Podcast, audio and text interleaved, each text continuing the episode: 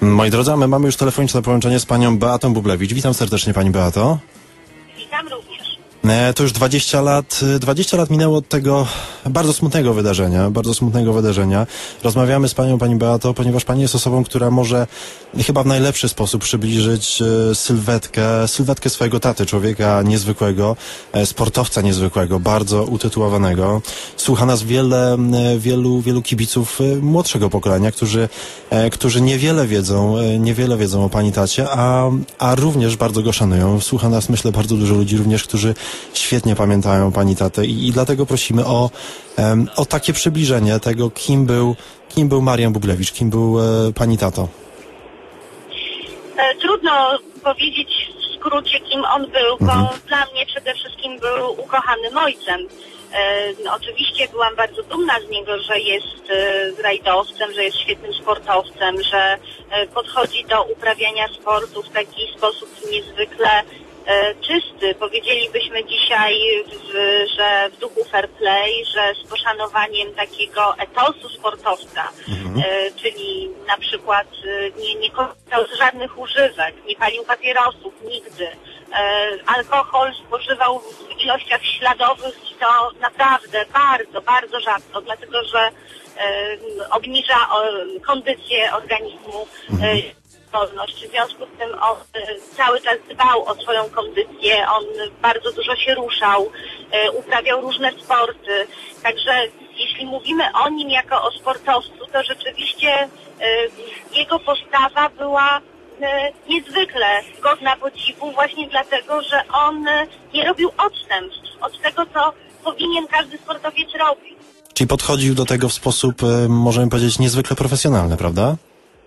No powiedziałabym nawet, że profesjon... słowo profesjonalny to nawet za mało. Ja bym nawet powiedziała teraz, z perspektywy lat, e, pan bliży się już do jego wieku, kiedy on odszedł, mogę powiedzieć, e, bo patrzę o doświadczenie życiowe, że wręcz podchodził dogmatycznie e, do wszelkich kwestii związanych z jego koncepcją psychiczną, ale przede wszystkim tak, w ogóle patrząc na jego życie, na to w jaki sposób się rozwijał, jego ciągła dążność do samorozwoju. To, to jest niezwykle imponujące. Można powiedzieć, obsesyjnie dążył do, do doskonałości, prawda? I tą doskonałość em, także można było zobaczyć w wynikach. E, ilość e, tytułów, które zdobył pani tato, jest naprawdę imponująca. Ilość e, wygranych rajdów, chociażby w rajdowych samochodowych mistrzostwach Polski, e, jest imponująca, ale także e, sukcesy, sukcesy w rajdach nie tylko rozgrywanych na krajowej arenie, prawda?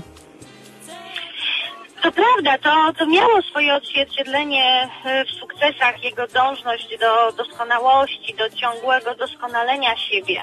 E, Ja powiedziałabym, że mm, dzisiaj, gdybym wtedy miała tę wiedzę, którą mam i to doświadczenie, które mam, to na pewno starałabym się e, tłumaczyć mu, że nie zawsze warto być tak doskonałym. Być może trochę bym go demoralizowała pod tym względem, dlatego że e, ludziom, którzy cały czas dążą do doskonałości i cały czas starają się doskonalić siebie ponad e, wszelką miarę, żyje się bardzo trudno.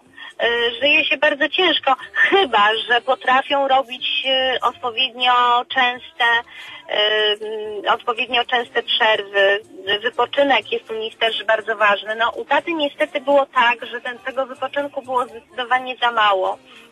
E, on miał niezwykle dużo energii, miał taką niespożytą energię w sobie i rzeczywiście e, to pewnie ratowało, napędzało sam fakt, że robił to, co kochał, miał swoją pasję. Ta pasja go też cały czas napędzała, mimo e, różnych problemów, które musiał na co dzień rozwiązywać, bo prowadząc firmę miał zatrudnionych w porywach nawet mocno ponad 60 osób. No to całkiem spora E, Także to, to rzeczywiście było całkiem duże dealerstwo, serwis samochodowy, e, świadczący wszystkie usługi, salon samochodowy, e, także e, swój dział sportu, e, logistyczne powiązanie wszystkiego, zorganizowanie swojego życia i znalezienie jeszcze w nim czasu na, e, na, na prywatność, na to, żeby, żeby odpocząć, to rzeczywiście było bardzo trudne. Może też oczywiście jak wszystko, to miało też swoje o tyle dobre strony, że na przykład moja relacja z moim tatą była e, przez to bardziej wyjątkowa. Ona nigdy nie spowszedniała, dlatego że ja miałam go niewiele na co dzień, więc zawsze wtedy, kiedy go miałam w domu, czy, czy poza domem, bo zabierał mnie często ze sobą, czy na rajdy, czy w ogóle w podróży. Na treningi zapewne również, prawda? Na treningi, tak, bardzo często. Staraliśmy się spędzać jak najwięcej czasu i on bardzo o to dbał, że kiedy był już w Olsztynie, czy kiedy mógł mnie gdzieś ze sobą zabrać, to nawet kiedy byłam kilkuletnią dziewczynką, ja nie spotykałam na rajdach, czy gdziekolwiek podczas spotkań służbowych e, jego kolegów, którzy e, też e, jeździli gdzieś ze swoimi dziećmi. E, a, a ja z nim jeździłam cały czas, on mnie wszędzie zabierał i, i to było takie zupełnie naturalne dla mnie. On chciał, żebym spędzała możliwie jak najwięcej czasu z nim, ponieważ było go bardzo mało i to mi dużo dawało. On bardzo dużo ze mną rozmawiał. Był wobec mnie e, bardzo, bardzo dobrym ojcem. Był opiekuńczy, e, dawał mi wsparcie, ogromnie we mnie wierzył. E, teraz mogę też ocenić, porównując dzieciństwo i, i relacje moich przyjaciół ze swoimi rodzicami czy znajomych to teraz potrafię to w pełni docenić, że ta moja relacja z nim była wyjątkowa. Była dobra, Potrafię mhm. docenić to, że, że mój ojciec był dla mnie wyjątkowym y, rodzicem, ale wtedy myślałam, że, że prawie wszyscy mają takich rodziców, że, że prawie każda córka ma takiego ojca. Mhm. Że tak po prostu jest, prawda? Że to jest pewna Że norma. Tak po prostu jest, że, że, że tata nie krzyczy, że tata nigdy nie powie, nie mam dla ciebie czasu, mimo że jestem bardzo zajęty, za, załatwiam y, mnóstwo spraw, wiszę na telefonie. Kiedy podchodziłam do niego i mówiłam, e, że o coś go proszę, e, o pomoc w czymkolwiek, czy, czy, czy w lekcjach, czy kiedy grałam na fortepianie, e, tata był multiinstrumentalistą, to nie wszyscy wiedzą. On świetnie grał na harmonii, na akordeonie, na pianinie, naprawdę był na, na harmonice ustnej, miał świetny słuch, naprawdę, miał moim zdaniem słuch absolutny i często mi pomagał w,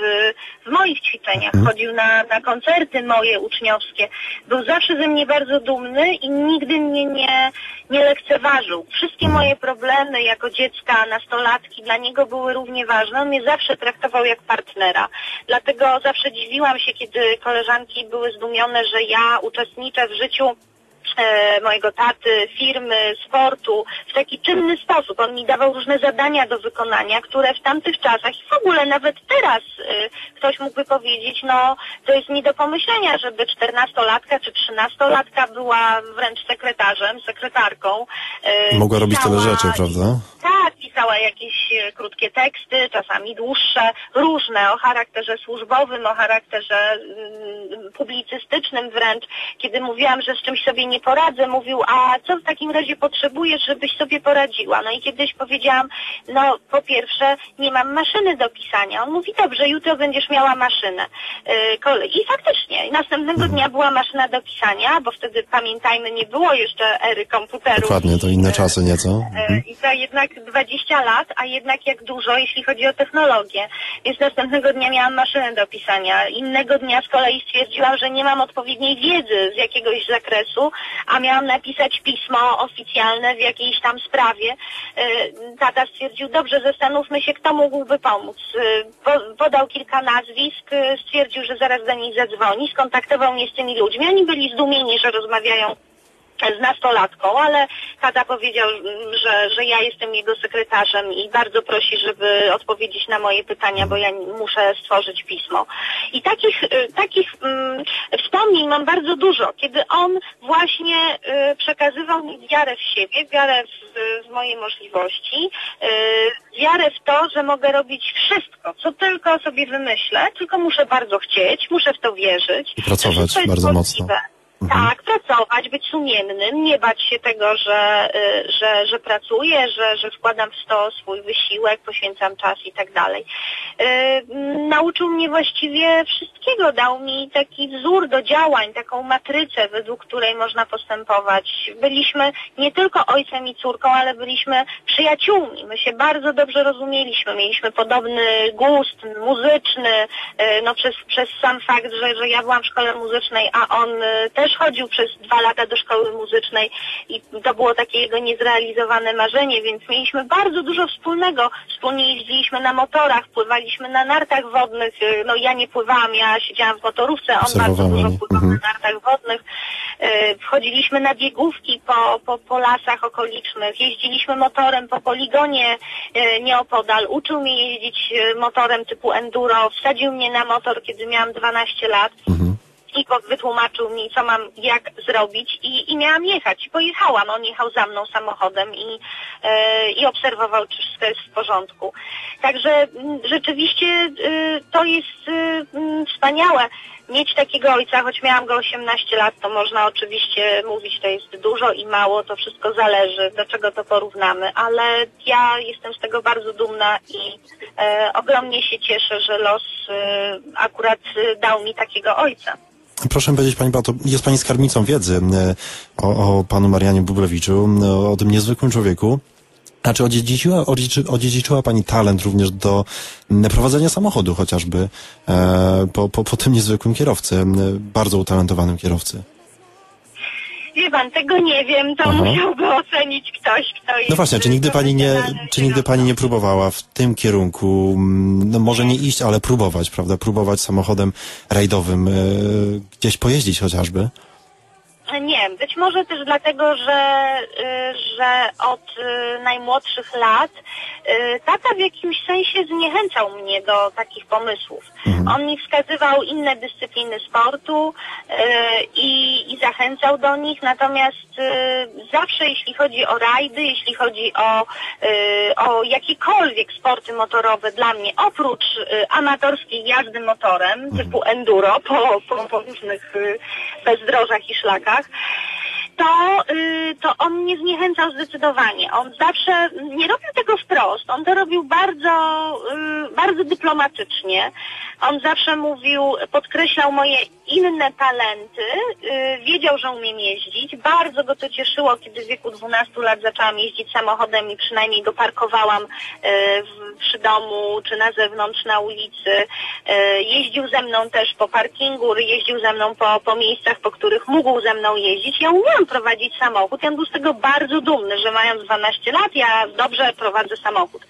Y, Ale ale zawsze gdzieś tam y, było takie w jego, y, w jego rozmowach ze mną y, taka oczywistość, że, że ten sport to jest czymś, co jest na pewno dla mnie zamknięte, że, że on absolutnie nigdy nie chciałby, żebym ja to robiła. I, I to było dla mnie tak naturalne, że ja przejęłam właśnie tę jego wizję myślenia i to, że on mnie dopingował do tego, żebym ja się realizowała w innych sportach i w innych, e, w innych w ogóle dyscyplinach i, i, i zachęcał mnie do tego zawsze, to, to jakby było zupełnie normalne. I, i wie pan, e, nauczył mnie dyktować, jeździłam z nim jako pilot e, na odcinkach specjalnych wokół Olsztyna, w okolicy Olsztyna, kiedy przygotowywał się do jeszcze Właśnie, czy dużo, do Urana. czy dużo było tych treningów, proszę, proszę nam powiedzieć? Czy, czy, czy Marian Bublewicz dużo przed rajdami czasu spędzał w samochodzie rajdowym? Dużo trenował, dużo spędzał czasu w samochodzie treningowym. Rzeczywiście na każdy trening to było przecież inaczej niż teraz. No teraz mamy, mamy czas zapoznania się z trasą i te treningi zupełnie inaczej wyglądają niż kiedyś. Kiedyś one były takie bardzo dostępne dla kogoś, kto, kto chciał, prawda? On zawsze zabezpieczał trasę, zawsze jechał y, z odpowiednią grupą ludzi, która zabezpieczała tę trasę. Y, To zawsze było przygotowane profesjonalnie, bezpiecznie dla innych y, użytkowników i, i dla niego. Y, Natomiast y, rzeczywiście trenował bardzo dużo, bardzo to lubił i, i to rzeczywiście była jego pasja. Trening był też dla niego ogromną przyjemnością, ale faktycznie był tytanem pracy. To, to też można stwierdzić, że, że to też było wyjątkowe w nim. Bardzo dużo pytań e, również napływa od, od słuchaczy, od, od kibiców, którzy e, świetnie pamiętają Mariana Bublewicza. Pytają o jego wkład e, właśnie przez tą ogromną pracę i przez doświadczenie, o wkład w rozwój samochodów rajdowych, takich jak chociażby Polones. Czy, e, czy pani ma o tym wiedzę, czy, czy jakoś w pewnym sensie Marian Bublewicz również no, wpływał w duży sposób na rozwój tych aut, na rozwój tych samochodów rajdowych? E, oczywiście ja jeździłam z tatą, będąc naprawdę małą dziewczynką, często do Warszawy, do e, OBR-u, gdzie na Waszyngtona w Warszawie, gdzie, gdzie wszystkie samochody e, były przygotowywane, e, gdzie mm, był specjalny przecież e, zespół ludzi, inżynierów, mechaników pracujących nad tymi samochodami pod kierownictwem e, pana Jacka Bartosia. On był przecież dyrektorem OBR-u. Natomiast e, tata miał ogromny wkła- wkład w rozwój e, m, techniczny, technologiczny e, tych aut, ponieważ e, pamiętajmy, że przecież tam były tworzone tak zwane prototypy, prawda? E, Polonez 2000 turbo słynny e, z takim bardzo charakterystycznym dźwiękiem. Niesamowite E, auta. Mhm. Niesamowite auto, taki, taki potwór można powiedzieć. Dokładnie. E, Natomiast tata miał o tyle mm, duży wkład, że on był z wykształcenia technikiem mechanikiem, w związku z tym, że też pasjonował się, miał talent do tego, e, zawsze żałowałam, że nie skończył studiów, ale on po prostu nie miał kiedy skończyć tych studiów, na przykład budowy maszyn, e, w czym był naprawdę świetny, bo, bo on cały czas e, rozwijał swoją karierę sportową, przecież już jako e, 19-latek, 20-latek, wtedy akurat to był motocross, jeszcze wtedy, ale, ale on cały czas był w jakimś nieprzerwanym toku treningów, przygotowań i uprawiania bardzo intensywnego e, dyscypliny, która akurat go zajmowała. Natomiast e, muszę powiedzieć, że, że to, że inżynierowie, mechanicy otrzymywali od niego wskazówki w trakcie rajdu, po rajdzie, co w tym samochodzie jest e, jego zdaniem dobre, co niedobre, co, co jest usterkowe, z całą pewnością to miało ogromną wartość e, dla, dla rozwoju technicznego tych samochodów. I myślę, że to jest, to jest um, ciekawa informacja, taka, która, e, która dzisiaj być może jest naturalna. To, że kierowca przekazuje bardzo dużo informacji, ale, ale osoba, która, która ma do tego smykałkę, która ma e, potrzebną wiedzę i potrzebne doświadczenie oczywiście, e, no, e, dzięki Marianowi Bublewiczowi myślę, że e, polonezy wyglądały tak, jak wyglądały i wielka szkoda, że dzisiaj no, ten dział sportu prawda, nie istnieje, że, że, że nie ma fabryki. Powstają samochody, na cześć, prawda, e, startów właśnie Mariana Bublewicza i myślę, że w całej Polsce tych samochodów e, można zaobserwować, szczególnie w ostatnim czasie coraz więcej, prawda?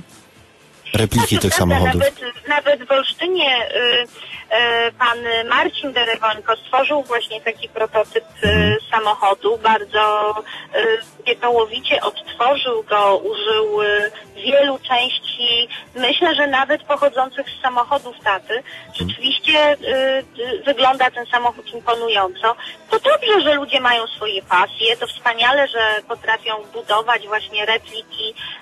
To jest każda pasja wnosi ogromną, y, ogromny wspaniały pierwiastek twórczy do życia. Kiedy życie ma swoją pasję, kiedy ktoś czymś się zajmuje, to jest właśnie też jedna y, z takich zasad nauk, które mi mój tata przekazał y, w taki zupełnie mimowolny sposób. On o tym nie musiał mówić. Fakt, że ja mogłam obserwować mężczyznę, który jest e, zaangażowany nie tylko w życie codzienne, nie tylko w zarabianie pieniędzy na, e, na życie dla swojej rodziny, ale oprócz tego na to, żeby móc realizować swoją pasję, to, y, to jest y, pokazanie, to było dla mnie takim pokazaniem tego, jak można fajnie żyć, jak można sobie fajnie to życie urządzić. Przecież trzeba pamiętać, że on nie był synem bogatych rodziców. Moi dziadkowie mieli bardzo duży majątek, ale majątek, który pozostał na, w obecnej Białorusi.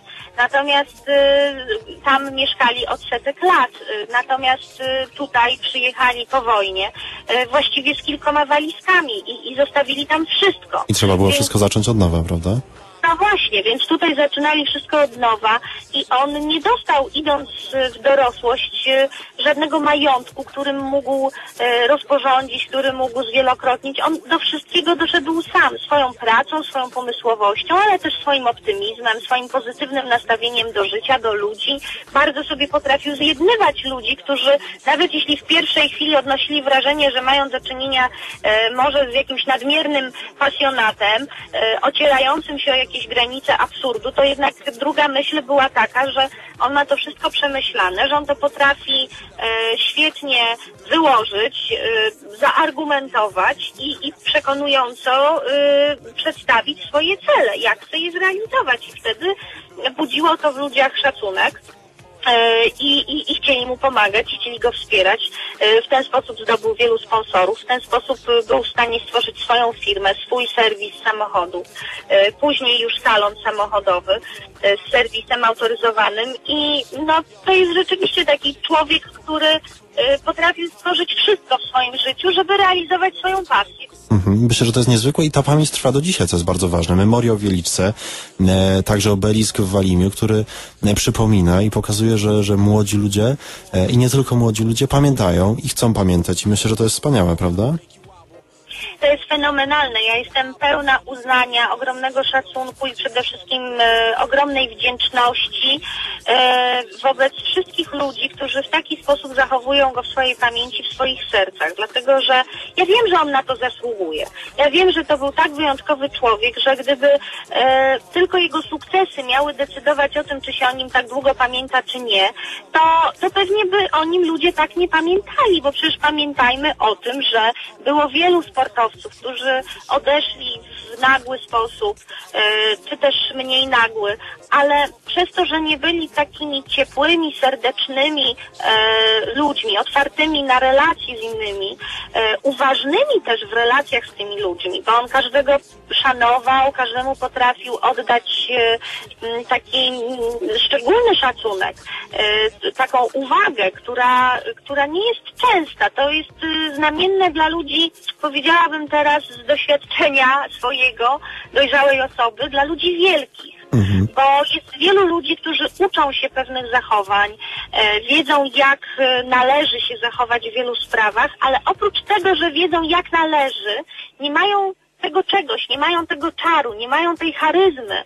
E, Tata był niewątpliwie człowiekiem charyzmatycznym. On jak wchodził gdzieś, uśmiechał się, e, mówił coś miłego, coś fajnego, zawsze powiedział jak się zachować, co ludziom powiedzieć. Był bardzo empatycznym człowiekiem. To jest też nietypowe i tutaj z całym szacunkiem dla wszystkich mężczyzn, e, to muszę powiedzieć, że tata należał do zdecydowanej mniejszości takich mężczyzn, którzy odznaczają się właśnie wybitną empatią na e, na uczucia innych ludzi, na ich nastroje. On potrafił doskonale wyczuć czyjś nastrój i wiedział, czy ma kogoś pocieszyć, czy ma kogoś rozśmieszyć. To jest niezwykłe. taka Mhm.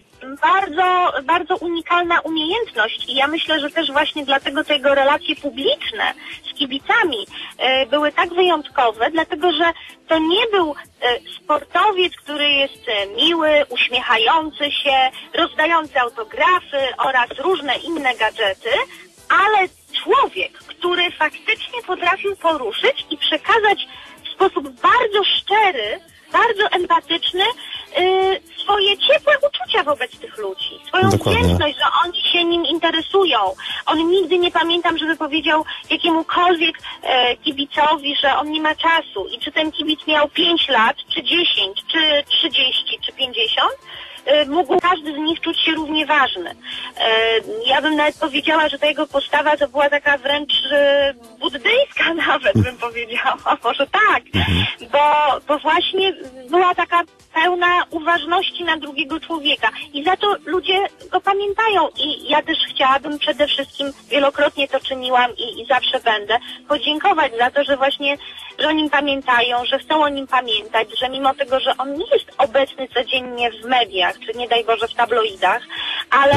To w naszych pamięciach, prawda? ale jest, jest obecny w nas, w naszych sercach. Ludzie pamiętają o tym, że, że był to wyjątkowy człowiek, któremu, o którym warto pamiętać i warto o nim mówić swoich, e, swoim dzieciom, bo przecież wielu ludzi, którzy się ze mną kontaktują, oni mieli zaledwie rok czy dwa, kiedy tata zginął i, i piszą do mnie na Facebooku, czy, czy, czy, czy w inny sposób kontaktują się ze mną mówiąc, że e, wiedzą, pamiętają o tacie, mimo że ta wiedza została mu im przekazana przez ich ojców, albo wujka, albo kogoś innego z rodziny, e, kto był tatą zafascynowany. I to jest bardzo wzruszające i za to też ogromnie dziękuję. Nasi słuchacze również dziękują Pani za to, że, że pozwala Pani przybliżyć e, wiedzę, pozwala Pani em, czy może pani opowiadać o, o swoim tacie w tak, w tak niezwykły sposób, tak, w tak dobry sposób, w tak prawdziwy sposób. E, piszą i, i może potwierdzeniem tych słów będzie, będzie list napisany przez jednego ze słuchaczy, który zatytułował to jako wspomnienia. Napisał, że Mariano Bublewicza spotkał na wyścigach, e, kiedy startował Stratopolanesem. Zamienił z nim e, wtedy kilka słów jako kibic zawodnikiem. E, następny raz spotkał go po dwóch latach przerwy przed rajdem polskim we Wrocławiu e, i Marian Bublewicz go poznał. E, I nasz słuchacz podsumowuje to tak, że to chyba najbardziej pokazuje, jakim był człowiekiem. Można z nim było rozmawiać tak po prostu. Tak po prostu i myślę, Tak. że, że to jest dosyć ciekawe, dosyć, dosyć ładne i dosyć typowe chyba wspomnienie, jeżeli chodzi o, o Mariana Bublewicza właśnie. To prawda. I kiedy, kiedy słyszę właśnie tego typu opowieści, e, że, że właśnie ktoś rozmawiał po, po długim czasie niewidzenia, spotkał e, znów tatę i, i tata pamiętał jakiś szczegół z rozmowy, e, czy, czy potrafił właśnie zagadnąć tak osobiście kogoś, ktoś był właśnie bardzo zdumiony to, to ja jestem wtedy wy- wyjątkowo dumna i, i wybitnie y, jeszcze bardziej y, czuję się taka bardzo wyróżniona przez los, że, y, że, że, że dał mi właśnie takiego tatę. Później tak mi się życie ułożyło, że miałam okazję spotkać jeszcze kilku takich naprawdę wielkich ludzi, którzy uświadomili mi, że mój tata był wybitnym, tak zwanym wielkim człowiekiem, o czego, czego świadomości nie miałam przez wiele lat, nawet już po jego śmierci. Też tej świadomości nie miałam. Ale oto na przykład zdarzyła się sytuacja w moim życiu, em, dlaczego powiedziałam o tej buddyjskiej postawie, bo miałam ogromny zaszczyt i, i ogromną przyjemność współorganizować wizytę Dalaj Lamy w Polsce w 2008 roku. I miałam okazję rozmawiać z nim kilkukrotnie y, w cztery oczy. I po jakimś czasie znów go widziałam, po kilku miesiącach i on potrafił zapytać o mojego syna, potrafił zapytać o coś, co było podczas naszej rozmowy, jakimś nawet wątkiem pobocznym. Mhm, I być może jakimś szczegółem, sobie, prawda? Tak, że, że mój tata był taki sam. I to nie chodzi o to, że ja go y, tutaj gloryfikuję i, i wynoszę do, do, do rangi y, człowieka, jakim jest wybitnym y, człowiekiem jest Dalaj Lama. Ale mnie tutaj chodzi o podkreślenie takiej bardzo specyficznej cechy, takiej szczerej otwartości, uważności, takiej, która prowadzi do tego, że nawet zapamiętujesz to, co ktoś ci powiedział zupełnie w przelocie, kogo nie znasz na co dzień, ale coś, co było dla ciebie ważne w tej rozmowie, co było jakąś taką wyjątkową wartością. Yy, Mój tata był człowiekiem takim pozbawionym jakichkolwiek kwestii, nazwalibyśmy związanych z z public relations. On wszystko, co robił, robił intuicyjnie. Naturalnie mu to wychodziło, możemy Bardzo powiedzieć. szczerze i naturalnie i, i właśnie ludzie się tego uczą w sposób sztuczny i wtedy to jest takie wyrachowane, takie wykalkulowane i, i ludzie to czują, bo nawet jak jest to wykonane e, w sposób doskonały, to i tak zawsze czuć, ja to zawsze czuję, że ktoś, kto się ze mną spotyka, kto jest człowiekiem znanym, mniej, bardziej, pewne sprawy ma wyuczone pewne gesty, pewne, pewne stwierdzenia, to, to można wyczuć. Może też dlatego, że jestem dosyć doświadczonym człowiekiem. Natomiast e, ja, ja to widzę. Natomiast mój tata robił to wszystko naturalnie. On był w sposób naturalny, pozytywnie nastawiony do ludzi. On ludzi, powiedzielibyśmy tak bardzo górnolotnie, ale prawdziwie, on kochał ludzi. On bardzo lubił z nimi rozmawiać i dlatego kibice to czuli. Że to Kibice, jest mhm. coś, co jest realną wartością w tych relacjach. Kibice to czuli, kibice to pamiętają i co ciekawe, Pani Beato, e, przygotowując tą, tą audycję i tę rozmowę, e, otrzymałem dużo wiadomości od osób, które pamiętają, które mówią, że e, mają dużo materiałów, które nigdy, nigdzie nie były publikowane, e, trzymają to w swoich, że tak powiem, szufladach i pytają się, czy być może, czy też jest to moje pytanie, czy, czy warto by było być może stworzyć film um, o Marianie Bublewiczu, film złożony właśnie z takich materiałów, z takich materiałów, które, których nie widzieliśmy nigdzie indziej, e, nie widzieliśmy ich wcześniej. E, Na pewno warto i, i chciałabym to zrealizować. Chciałabym też, żeby powstał o nim film taki fabularyzowany, bo jego życie było niezwykle ciekawe i, i film byłby bardzo ciekawy. E, I myślę, że to zrealizujemy. E, W niedzielę spotykamy się na zamku. Ci, którzy chcą przyjść i go wspominać, e, a akurat są w okolicy Olsztyna, czy są w Olsztynie, niektórzy przyjadą specjalnie z różnych odległych zakątków Polski. Będziemy o nim rozmawiać, zobaczymy film, e, który został nakręcony dwa lata temu, e, dwudziestokilkuminutowy, ze wspomnieniami o tacie pod tytułem Niezapomniany, zrealizowany przez telewizję N, tak, N Sport. Także to jest taki chyba najbardziej, najbardziej wierny e, film wspomnieniowy o nim.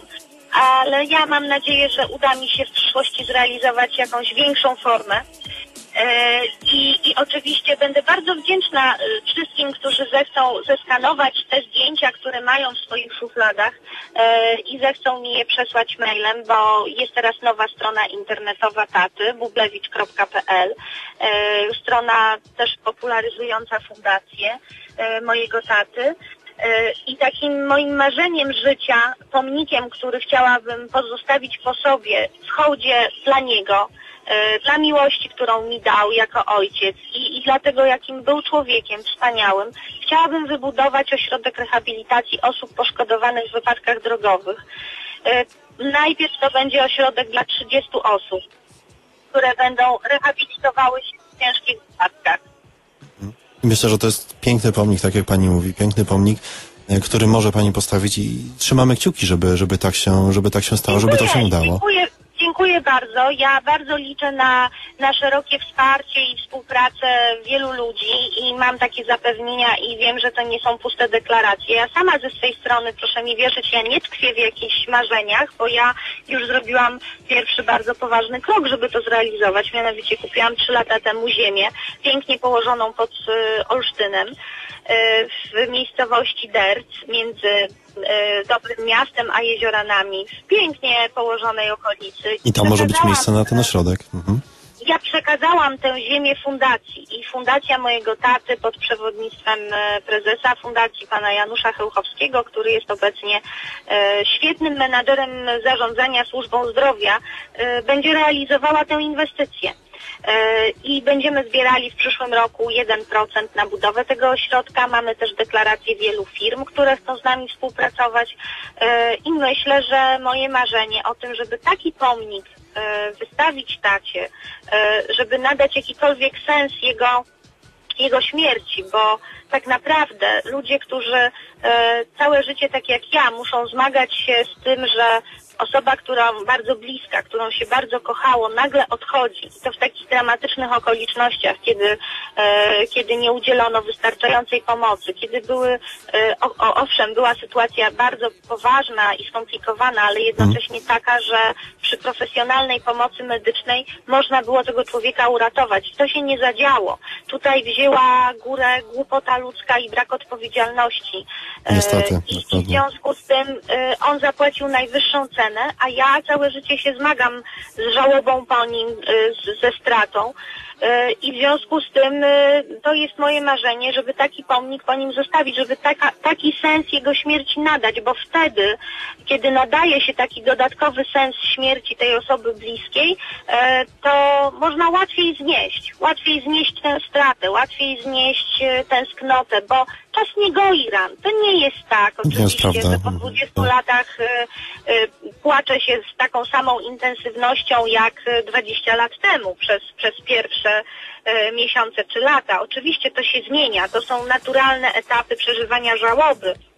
Ja to przeszłam i, i, i mm, świadomie mniej i bardziej, ale myślę, że teraz jestem w stanie pomagać innym ludziom przechodzić przez proces żałoby i też e, jest taki projekt, będę współpracowała, już zaczęłam współpracę z Fundacją pani Olgi Morawskiej, która jest wdową po słynnym Himalaiście Piotrze Morawskim E, i ta fundacja zajmuje się właśnie tym, żeby pomagać ludziom, którzy są w żałobie.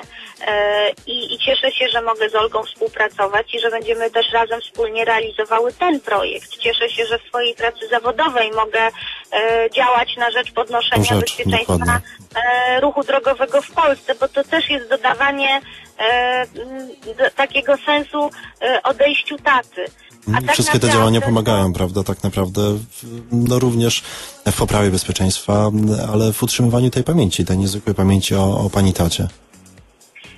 To, jest taki mój obowiązek, bo y, kiedy ktoś dostał tyle miłości od swojego rodzica i, i widzi po latach, jak bardzo było to wyjątkowe, jak bardzo wyjątkowym był człowiekiem, jak bardzo wyjątkowo potrafił mi tę miłość okazać i dać, jak on potrafił mnie y, w życiu docenić, to tak naprawdę y, wszystko, co się robi, stara się, wtedy ja się staram robić tak, żeby, e, żeby mogła sobie powiedzieć każdego dnia, kiedy mnie przyjdzie odejść stąd, że, że mój tata e, byłby ze mnie zadowolony, że mój tata powiedziałby córko, bo on tak często do mnie mówił, córko, e, fajną robotę zrobiłaś, córko, jesteś, jesteś bardzo fajna. On mi tak często mówił, kiedy siedział e, ze mną gdzieś tam razem, e, we dwoje siedzieliśmy, potrafił mi szepnąć do ucha, uśmiechnij się, jesteś bardzo fajna, wiesz jaki jestem z ciebie dumny.